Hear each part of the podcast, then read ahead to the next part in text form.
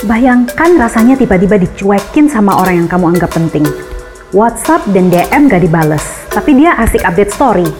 Di telepon apalagi, gak mungkin diangkat. Selamat datang di Rajut Asa. Rasa sedih, kesal, marah, semua campur aduk jadi satu.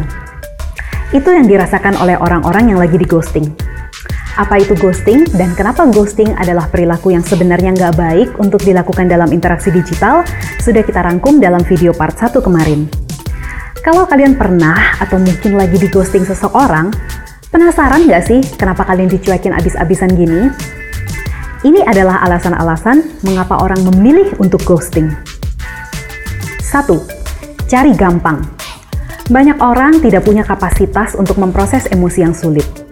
Emosi yang sulit itu bisa berupa rasa sungkan untuk menolak karena takut menyakiti perasaan lawan bicara, takut mengungkapkan kekesalan, sulit untuk berargumen, dan lain-lain. Tahukah kalian bahwa memproses emosi itu skill yang khusus loh? Tidak semua orang dilahirkan dengan kapasitas emosional yang lapang untuk bisa memproses emosi-emosi yang sulit. Itulah mengapa kebanyakan orang akhirnya cari gampang aja dengan menghilang. Dua, cari aman. Si hantu nggak selalu berperan sebagai antagonis loh. Kadangkala bisa jadi karena interaksi negatif dengan kita di masa lalu, maka mereka jadi menarik diri dan memutus segala bentuk komunikasi dengan kita. Di situasi seperti ini, introspeksi diri penting juga dilakukan. Mungkin kita bisa menanyakan hal-hal ini ke diri kita sendiri. Bagaimana cara bicara kita ketika lagi berhadapan dengan problem? Apa kita jadi ngomel-ngomel? Atau kita jadi pasif agresif alias nyinyir? Atau mengeluh terus-menerus?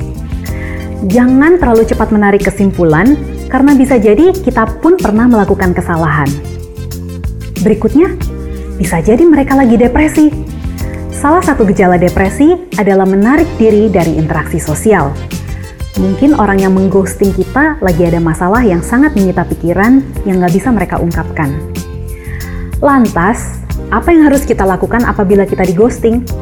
Sadari bahwa kebanyakan perilaku ghosting tidak bertujuan untuk menyakiti kita secara sengaja. So, jangan terlalu dimasukin ke hati ya. Izinkan diri kita untuk merasa kecewa, sedih, kesal, atau bahkan marah karena sudah dicuekin Lalu, terimalah dengan lapang dada dan move on. Memang sulit untuk move on di saat pihak lain rasanya sama sekali nggak peduli dengan perasaan dan posisi kita yang nunggu reply siang dan malam. Tapi, ingat sekali lagi bahwa ghosting biasanya tidak berlatar belakang ketidaksukaan pribadi. Merekalah yang mungkin sedang punya masalah dengan dirinya sendiri. Introspeksi diri itu baik dan boleh, tapi lakukan introspeksi itu secara objektif. Jangan berlebihan menyalahkan diri sendiri atas situasi yang terjadi.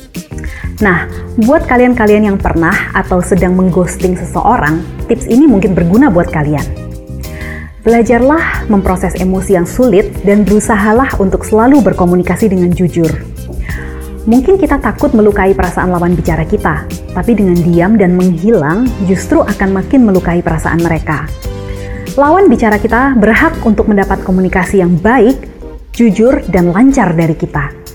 Rasa sungkan atau takut yang berlebihan hanya akan membuat relasi personal jadi tidak nyaman.